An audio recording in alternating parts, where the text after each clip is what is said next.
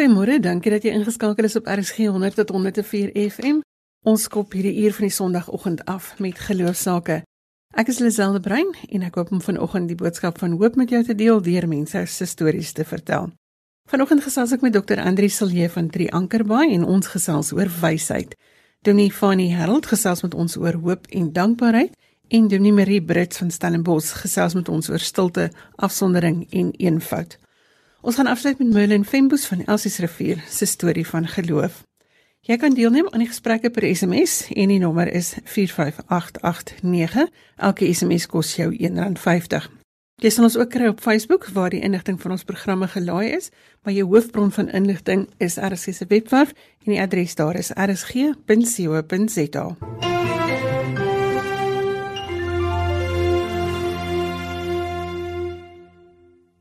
Dr. Andri sal lees van die drie Ankerbaai gemeente in Kaapstad en ons gaan vanoggend 'n bietjie saam dink oor wysheid. Goeiemôre Andries. Môre Lisel. Ek weet nie van jou nie, maar tussen al die nuus en mense se opinies is my voetjies besig om vinnig onder die water te skop om kop bo water te hou. Want dit voel net vir my daar is geen wysheid in enige van die redenasies nie. En dit bring my nou vanoggend by jou Andries. Ons het nou al so baie oor die wyse manne gesels, maar presies wat is wysheid? Ja, miskien moet ek in die eerste plek sê dat ek dink die begin van wysheid is om te besef wysheid is nooit iets wat jy besit nie, dit is altyd iets waarna jy streef. Jy soek wysheid. So ek maak nou nie aanspraak op wysheid nie, dis 'n gevaarlike ding om te doen. Maar ek dink wysheid is ek wil amper sê praktiese lewensinsig. 'n Insig in hoe die werklikheid in mekaar steek, 'n insig in hoe mense onderskei tussen waarheid en leuen of hoe mense streef daarna om te onderskei, 'n insig in hoe mense oriënteer in hierdie wêreld en hoe mense lewe sodat jy 'n goeie lewe lei. En daarmee bedoel ek 'n lewe wat nie net vir jouself goed is nie, maar wat sover as wat jy kan ook goed is vir die mense rondom jou. Goed is ook vir die wêreld waarin jy lewe. Dat jy uh regtig probeer om uh baie keer word wysheid met 'n pad uh verduidelik, 'n pad wat jy loop. Dat jy regtig probeer om goeie spore in die wêreld na te laat sover as wat jy kan. Wat leer ons uit die Bybel van wysheid, Andries? Ek dink een van die hartseer dinge is dat ons geneig is om die wysheidsboeke in die Bybel amper te verwaarloos. Of ons lees dit so Spreuke en so aan lees mense graag, maar ons verstaan half nie die punt daarvan. Ons lees Spreuke sê nou maar om oulike goedjies daai te hoor of jy 'n teks wat jy kan aanhaal wat vir jou sê jy moet dit doen of jy moenie dit doen nie. Maar die hele aard van die wysheidsliteratuur in die Bybel is dat dit 'n leerproses is. Dis hoekom mense baie keer in Spreuke sê oor die slaan ag op my onderwysers luister na wat ek sê. Die een wat ervaring het, wat wysheid het, is besig om die ander een te leer. En dit beteken wysheid is bo alles 'n leerproses in die eerste plek. Jy leer om te onderskei. Jy leer om uh, op 'n sekere manier na die wêreld te kyk. Jy leer om jouself te oriënteer in hierdie wêreld jy leer om te streef na die regte dinge. In die Nuwe Testament jy kry jy en daar sê ek veral kyk na Jakobus kry jy die hele gedagte dat wysheid eintlik van bo kom. Dit kry jy in die Ou Testament ook al reeds wysheid kom eintlik van God. God is die een wat wysheid het. Ons leer wysheid by God se wysheid. Maar uh, Jakobus sê ons moet bid daarvoor, ons moet soek daarna en hy sê ons moenie aanspraak maak daarop as ons nou vol naaiwer of hoogmoed of selfsug is nie want egte wysheid is vredelievend. Egte wysheid probeer om vrede te bou in hierdie wêreld. Probeer om heel te maak wat daar stikkend is en probeer om reg te maak wat verkeerd is. Egte wysheid is nederig. Miskien is die belangrikste eienskap van wysheid amper dat egte wysheid dan as jy nou die Ou en die Nuwe Testament saamvat, is die openheid om te leer by ander, om jou te laat leer, om met ander woorde te kan erken ek weet nie alles nie, ek is miskien verkeerd oor sekere dinge en om regtig te vra met dit wat ek doen, die manier waarop ek lewe, is dit is ek besig om vrede na te jaag, soos Jakobus ons in Jakobus 3 leer, of is ek maar net besig om my eie beeld te bou en belangrik te probeer wees of so. Ek wonder soms of ons as gelowiges genoeg erns maak met wysheid. Wie eh uh, Lisel, dit is 'n ding wat my verskriklik bekommer. Uh, as ek maar een voorbeeld kan noem, dink net hoe baie keer mense sonder enige onderskeidingsvermoë op die sosiale media of deur 'n WhatsApp goed vir jou aanstuur sonder om te vra is dit wat ek aanstuur waar? Sonder om te vra is dit billik? Is dit die regte ding? En nou baie keer is die goed wat mense dan aanstuur is goed wat vrees aanjaag dis goed wat kom uit 'n soort van 'n ek wil amper sê agterdog teenoor die wêreld 'n bitterheid teenoor die wêreld En as 'n mens dan die daai goed feitelik gaan nagaan en ek wil nou nie spesifieke voorbeelde noem nie, maar jy kry sê nou maar 'n ding om te sê een of ander radikale islamorganisasie het op punt om 'n klomp sendlinge dood te maak. Jy is nou een voorbeeld waarna ek kan dink. Dan gaan kyk jy en dan besef jy maar hierdie ding is nie waar nie. Eerens het iemand hierdie berig uitgedink en begin rondstuur om vrees aan te jaag en dan word dit omgestuur en omgestuur en jy kry dit jare na die tyd kry jy dit weer as dit iets is wat pas gebeur. En dan wonder ek oor twee goed. Die een is het ons dan geen onderskeidingsvermoë nie en dit sou by ons geen erns om die waarheid van 'n berig te doen. Natuurlik is dit sodat radikalisme 'n probleem is in ons wêreld. Natuurlik is dit sodat mense bekommerd is oor wat met Christene gebeur in plekke waar sien nou maar radikale islam in oorhand kry en so aan. Maar ek dink ons skep 'n atmosfeer van vrees, van bedreigdheid uh selfs van samesweringsteorieë en sulke tipe van goeders. En Christene val vir hierdie goed en hulle vra nie, maar is dit wys? Hulle probeer nie onderskei. Is dit wys? Is dit verstandig om hierdie goed dood eenvoudig so daarin op te gaan en dit aan te stuur? En dit bekommer my geweldig. 'n Belangrike vraag is dan maar seker, hoe kan ek nou prakties groei in wysheid? Wel die eerste ding, uh, dink ek, uh, en dis iets waarop ek myself probeer toets, is dat 'n mens moet besef dat die wêreld dit wat ons van spoor af probeer kry. En met die wêreld bedoel ek nou nie net nie Christene ek bedoel maar die mensdom as geheel. Ons doen hierdie tipe goed aan mekaar. Deur gevoelens van uh, woede of bedreigdheid of bitterheid of so iets aan te jaag. As net byvoorbeeld op die sosiale media kyk hoe baie berigte doelbewus uh, vir alles mense nou weet dan kan die samesweringsteorie jy weet uh, een van my gunsteling tekste deesdae is Jesaja 8 vers 11 en 12 waar daar staan jy moenie alles 'n sameswering noem wat hierdie mense 'n sameswering noem. Die mense is baie gou om te sê maar hier's nou 'n verskriklike ding aan die gang en so. Ek dink die eerste ding wat 'n mens moet toets is 'n berig wat ek ontvang, iets wat ek lees op die sosiale media, iets wat ek as 'n boodskap aansien, of iets wat ek in die koerant of waar kan lees. As dit duidelik bedoel is om my kwaad te maak of om my bitter te laat voel of om te speel op my vrese en my gevoel van bedreigdheid, dan moet ek in 'n sekere sin kan terugstaan van my emosies. Ek hoef dit nie te ontken nie, maar ek moet kan terugstaan en ek moet sê wag, wag, wag. Kom ek kyk net eers en ek probeer onderskei wat is regtig hier aan die gang. Hoe betroubaar is hierdie berig regtig? Waar kom dit vandaan? En dat ek vir myself sê ek dat ek regtige vraagteken plaas oor dinge wat sommer uit allerlei hoeke rondgestuur word. So ek dink die eerste ding is om te leer om in 'n sin daai negatiewe emosies van bedreigdheid en angs en woede en sulke tipe van goeders om dit op sy te stuur en te sê ek moenie deur my vrees gemotiveer word. Ek moenie deur gevoel van bedreigdheid gemotiveer word.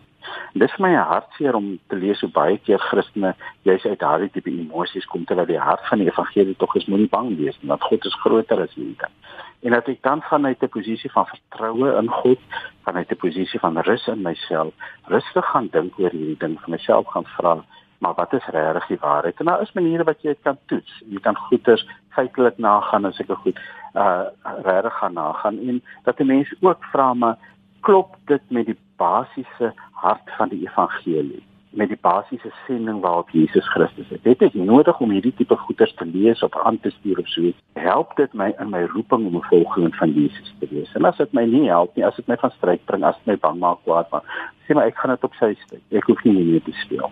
Andries, waarvoor is jy dankbaar hierdie week? Waarvoor is ek dankbaar hierdie week? Wie ek het uh, die afgelope week gedink gelees dat iemand sê godsdienst is ter definisie slegte mens, altyd slegte mens. Ek is dankbaar vir elke gelowige mens wat daai ding weerspreek. Elke gelowige mens wat lewe op 'n manier en ek ken baie wat hulle godsdienst vir my goeie nuus maak. Wat liefde lewe, wat vrede naastrewe, wat diensbaar is, wat op 'n nederige manier aan ander mense help. Ek is dankbaar vir elke so mens wat ek ken. En dis waarin ons help bou hier by Sondag hierna om mense se geloofservarings te deel wat positief is. Andries Silje is van die Drie Ankerbaai gemeente in Kaapstad. Andries, baie dankie dat jy jou wysheid met ons gedeel het vanoggend. Dankie, dit is lekker om jou te gesels.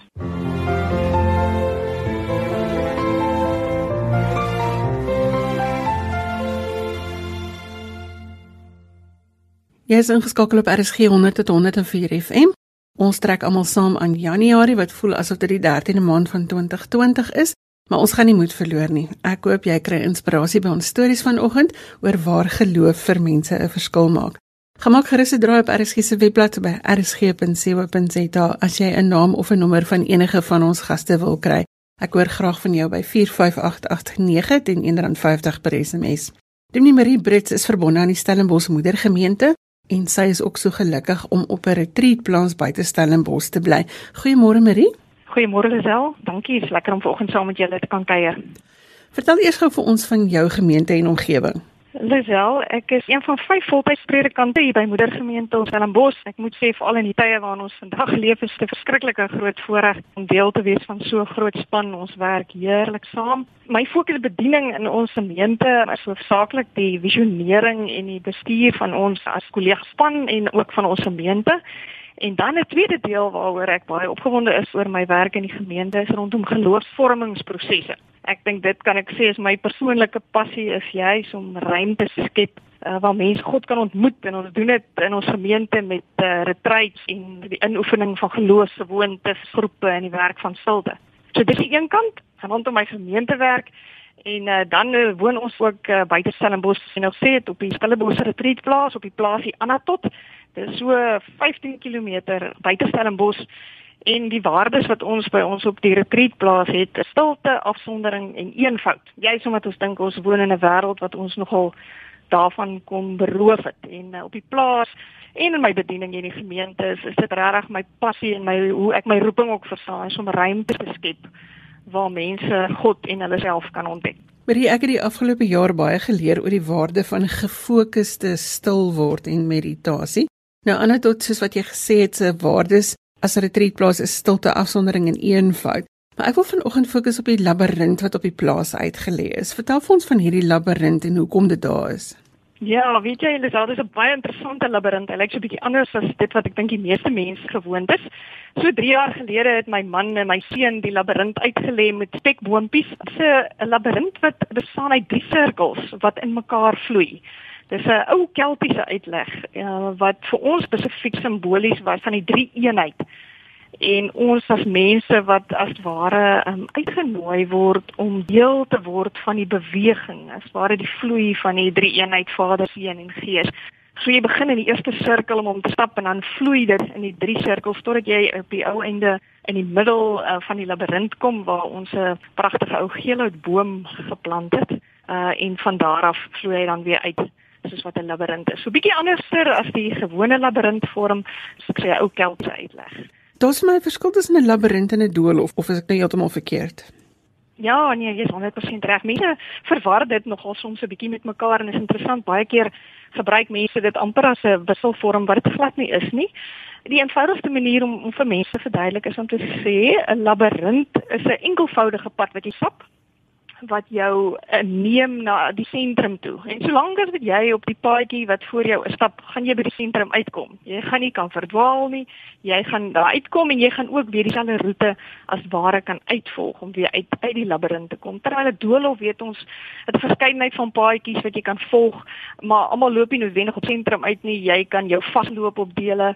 'n Labirint is ook gewoonlik oop. Jy kan na buite toe kyk terwyl 'n doolhof baie keer toe is. Ehm um, jy jy loop jou vas terwyl so in 'n 'n labirint kan jy nooit nooit vasloop nie. Daar's altyd 'n inkom en 'n uitgang wat jou um, weer uitneem. Wat is die spirituele waarde van 'n labirint? Weet jy dit wel, dis interessant. 'n Labirint is 'n ou ou antieke simbool. As jy gekyk word in die geskiedenis van die ontwikkeling van labirinte, lyk dit of dit so ver soos 5000 voor Christus terugdateer en ehm um, vir altyd nog 'n simbool was van heelheid dit het nie noodwendig met ander woorde 'n Christelike oorsprong gehad nie. Maar hier sit in die middeleeue is labirinte al meer gebruik deur Christene vir gebed en vir meditasie en en is dit selfs in die ou kathedrale gebou. En veral nou in die tyd baie interessant, telkens van 'n gemeenskap het deur verandering gegaan het en en deur moeilike tye gegaan het.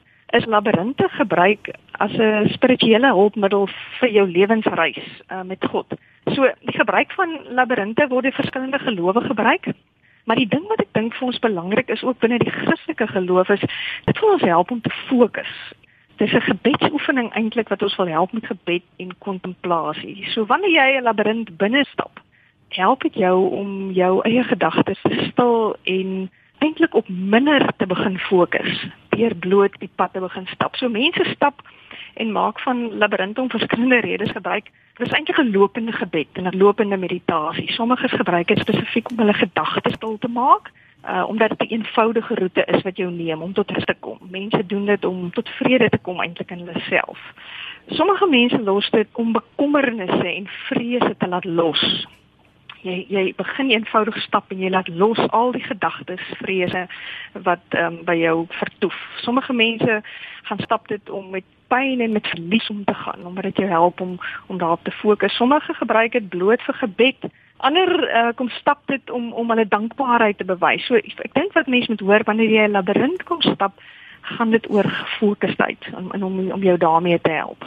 Daar word dikwels um, gepraat van die drie fases van stap van 'n labirint wat ek ek dink 'n mens nogal help.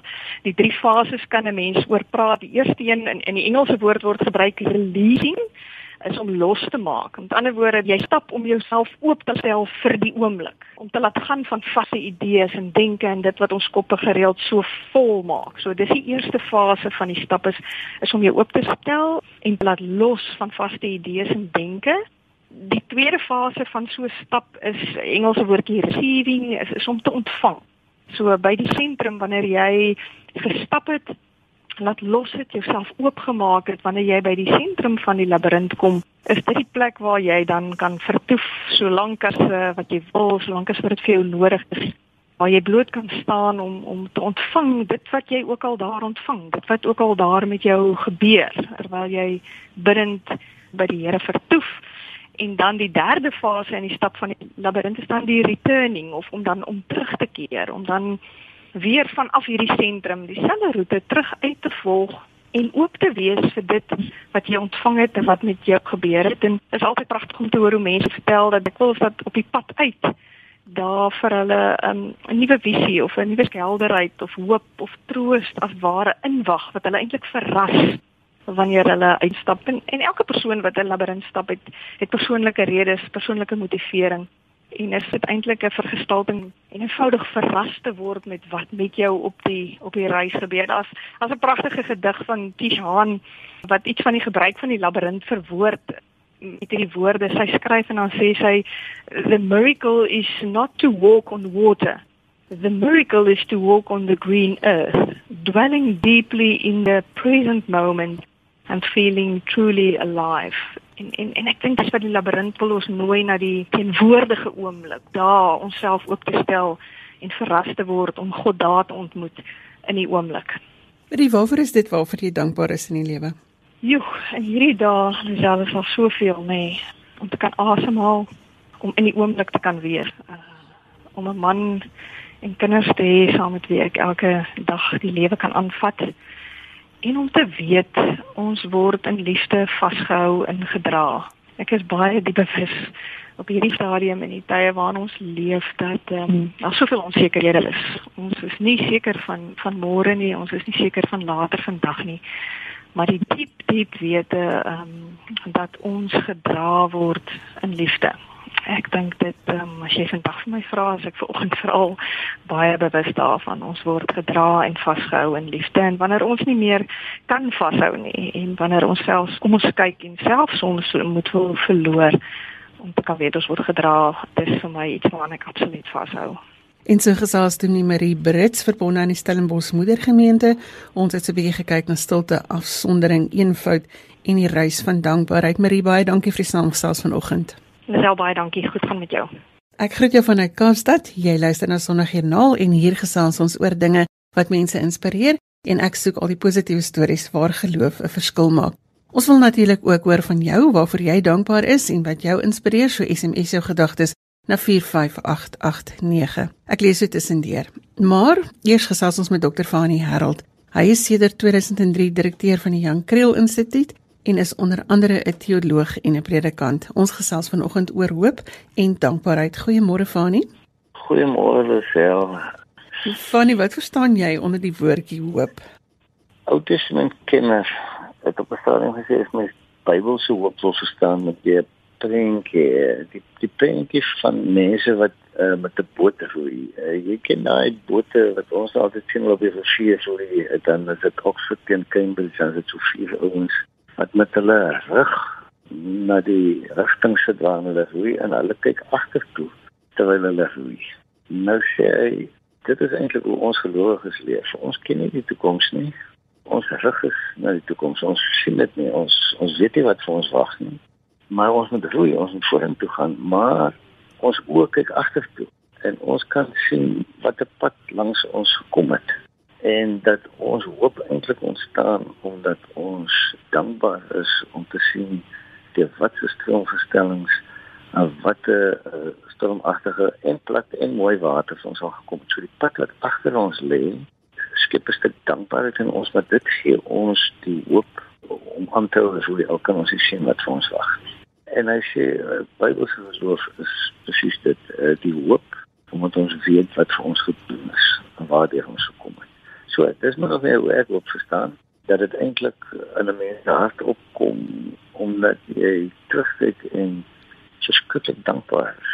Kan jy vir 'n bietjie uitbrei op hierdie agtertoe kyk en dankbaar wees? Hoe werk dit? Okay, ek dink sommer aan my ma. Uh, hulle geslag sê nou dat hy van 95 en weet jy ons het groot geword saans met ons ou gebedjies voor ons gaan slaap. En dan was dit altyd so 'n dankie gebedjies. Dankie vir ons kosies en vir ons kleertjies en vir pappa en vir mamma en vir al die boeties en eksersies. Ons het nog 'n klomp boeties en eksersies gehad. Eh uh, dankie vir die polisie en die hospitale en die mense wat in die nag werk en ons oppas en eh uh, dankie dat ons skool het en so. Maar ons het ook tafel weer gehad. Dis nie maar op 'n dag vir ons het nog goed geword met jy sê eh uh, jy twee gebed jy het gebed voordat jy begin eet het en na jy klaar geëet het. So ten minste vier keer op 'n dag het ons uh, dankie gesê en dankie dankie dankie dankie. As ek nou kyk na haar en die lewe sou dit wat nie altyd maklik was nie. Maar dankbaarheid. Wat beteken uh, ek het haar bid in my lewe was klaar en uh, selfs nou as 'n ou verlose tannie as jy vrou gaan dit as jy sê dik fyn uh, en dit gaan nie so goed nie nie van buite af nie maar dit is daai daai dankbaarheid uh, wat die mens geleer het as 'n lewensinstelling, 'n lewenshouding. Dit is ons ingedrul soos wat hy draad gesny word, uh, oor en oor en oor en dan word dit groei en dan word dit 'n lewensingesteldheid. En uh, dan gebeur daar goed in 'n mens se lewe uh, waarvoor jy nou baie dankbaar is. Uh, as ek net iets uit my lewe kan vertel, ek is toe by die kans in Zimbabwe toe en daar word my tweede seun gebore en by geboorte word hy en my vrou beseer en soos dit met 'n uh, cerebraal gestemde seun uh ook 'n epilepsie leier.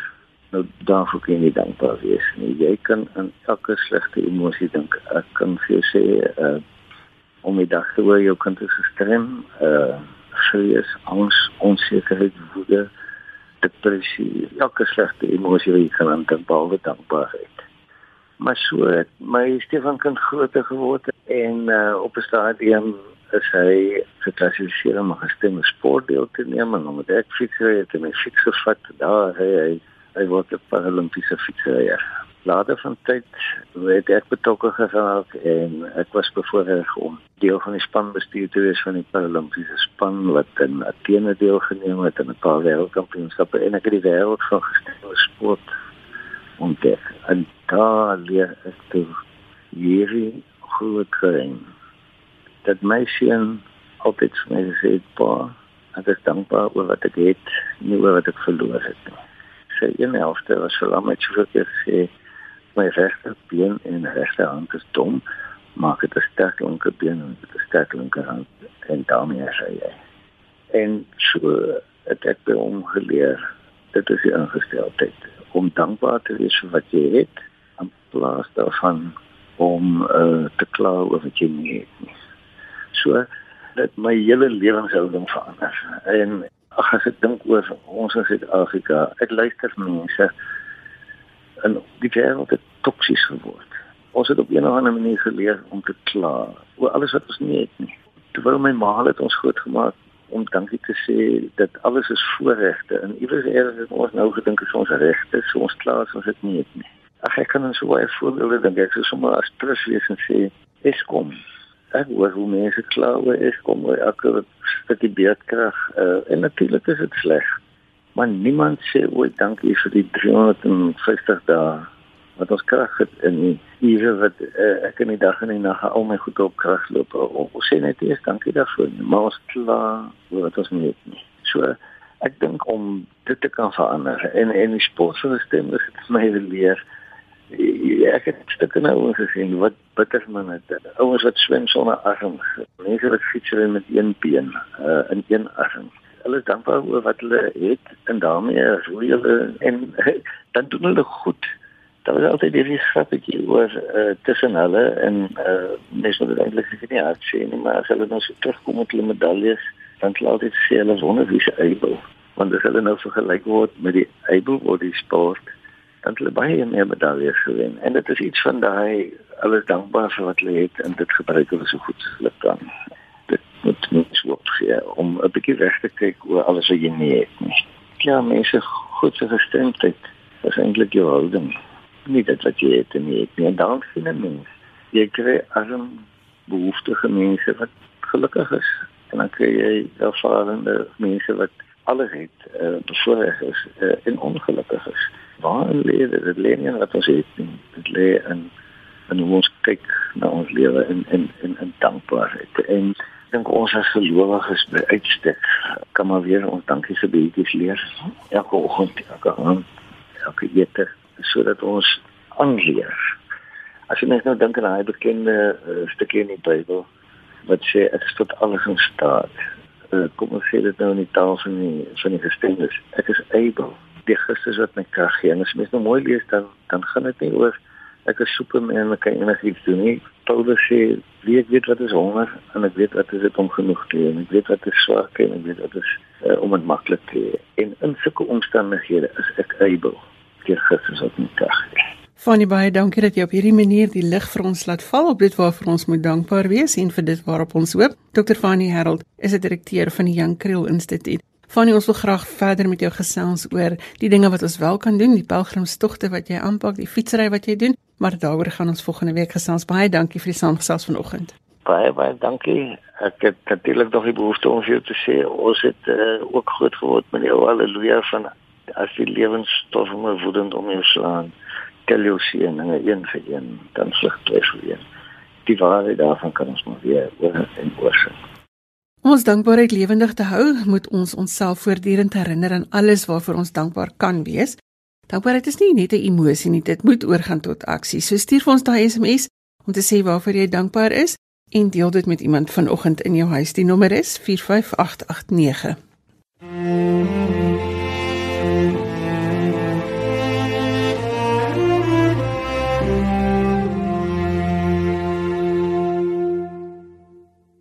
Merlin Fenbus is van Elsies Rivier en ons gesels vanoggend met haar oor die uitdagings op haar pad en hoe sy dit in geloof aanpak. Goeiemôre Merlin. Goeiemôre. Vertel ons van jou omgewing waar jy woon en wat jy doen. Ek is woonagtig in die Elsies Rivier omgewing. As ons hoor Elsies Rivier en hoor oh, geweld en gang violence. Maar vanoggend wil ek saam met julle deel dat in die omgewing waar ek woon, ons gemeenskap is 'n familie ons verstaan mekaar. Ons het in hierdie tyd wat ons so baie mense verloor het, ons bure en so, ons baie gegroei en verandering het plaasgevind. Ons het nader aan mekaar beweeg en verstaan mekaar beter. En in ons gemeenskap, ons jeug het soveel talent. Melanie, hoe het jy by Math Moms betrokke geraak? Ek het by 'n skool in Elstrafeer altyd gaan uit die gemeenskap sien gedoen en so wat. En ek het een van die mesmams ontmoet en sy het my vertel van die wonderlike werk wat hulle doen. Hulle werk met die kinders, hulle omgee en liefde betoon aan die kinders. En ek het gevoel dat dit sy behoort en ek was saam saam met die mesmams werk. En wat is dit wat julle doen? Ons werk met die kinders. Ons wys vir hulle dat daar as mense omgee vir hulle. Ons doen um beskundig, maar beskundig is nie net om vir hulle te leer nie, maar om hulle te verstaan dat daar is uh mense wat daar uitsien hulle omgee en liefde wys en ons help om hulle te bou van ons almal ons kinders kom uit verskillende gemeenskappe uit en verskillende omstandighede uit en so probeer ons om vir, om vir hulle gronde te hou en vir hulle te wys dat daar is mense wat omgee vir hulle. Melanie, jy het wat hartseer beleef met miskrame. Hoe het jou geloof jou hierdeur gedra? Dit was 'n moeilike, moeilike tyd gewees in my lewe. Dit was my eerste waardige gewees het. En ehm um, wonderbaarlik dat die Here getrou. Hy is my fondasie en hy is my rots. Ek was in die hospitaal gewees vir 2 maande. Tydens die eerste operasie het my lewe verloor, ek het gesterf op die operasietafel. En toe het my Marita geweer, die Here het die moeite geag om weer vir my 'n kans, tweede kans te gee. En tydens my tydens die wag vir die tweede operasie kan ek sê was my geloof regtig getoets geweest.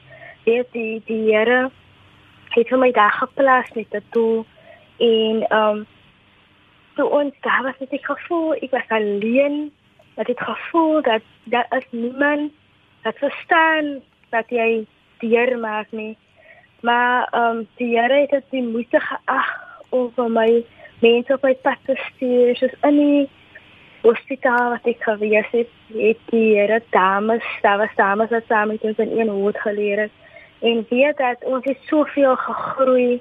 Ons kon mekaar bemoedig het in die aande.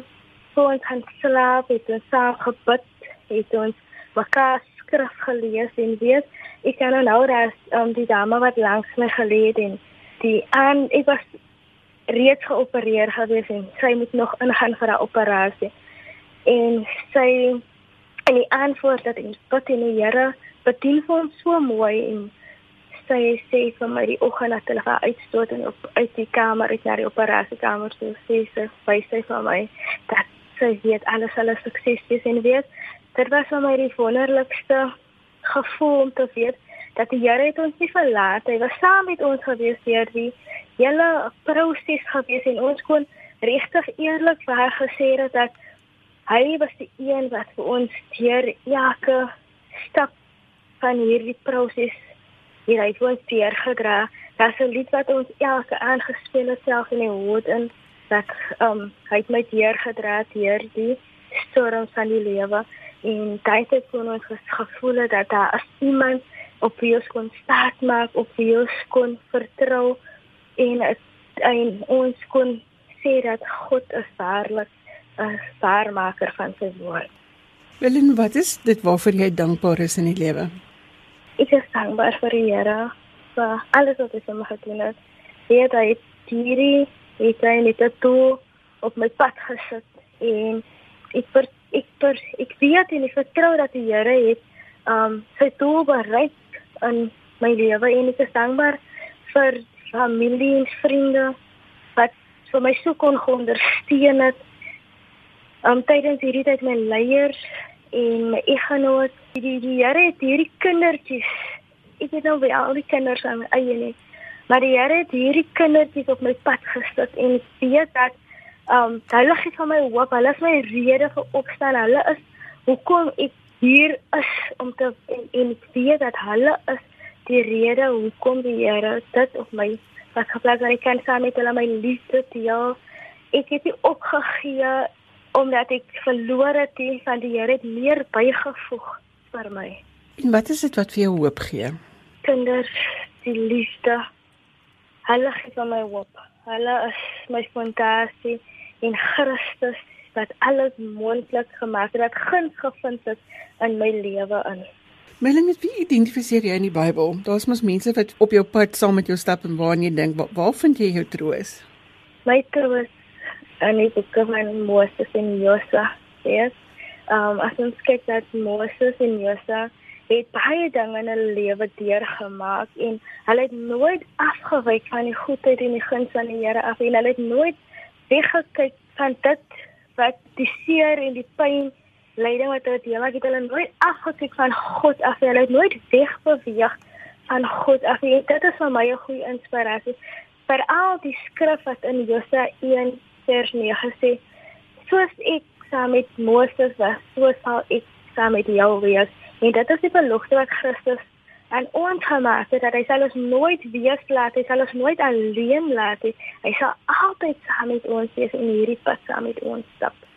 Merlin baie dankie dat jy vanoggend vir ons geïnspireer het met jou boodskap. Merlin Fembus is van Elsies Rivier en ons het gesels oor haar betrokkeheid by Maths Moms en haar pad met geloof. Dankie vir die saamgesels vanoggend. Baie dankie. Dis tyd om ons stories op te pak en ek sê dankie vir my gaste, Dr. Andri Silje van 3 Ankerbaai wat gesels het oor wysheid Dr. Fanny Harold het gesels oor hoop en dankbaarheid en Dominee Marie Brits van Stellenbosch het vertel van stilte, afsondering en eenvoud en dan ook van die waarde van 'n labirint. Ons het afgesluit met Merlin Femboes van Elsies Rivier se storie van geloof. Sondagjoernaal is as 'n potgooi beskikbaar. Jy kry dit op RSG se webwerf by rsg.co.za. Jy kan vir my e-pos met kommentaar of as jy 'n geloofstorie met ons wil deel of 'n dankbaarheidstorie deel met ons jou gedagtes. My e-posadres is lazel@wwmedia.co.za. Tot volgende week groet ek met die herinnering dat jy in beheer moet wees van jou gedagtes want dit bepaal hoe jou dag gaan lyk en hoe die reis gaan lyk waarop ons almal is. Tot volgende Sondag sê ek totsiens.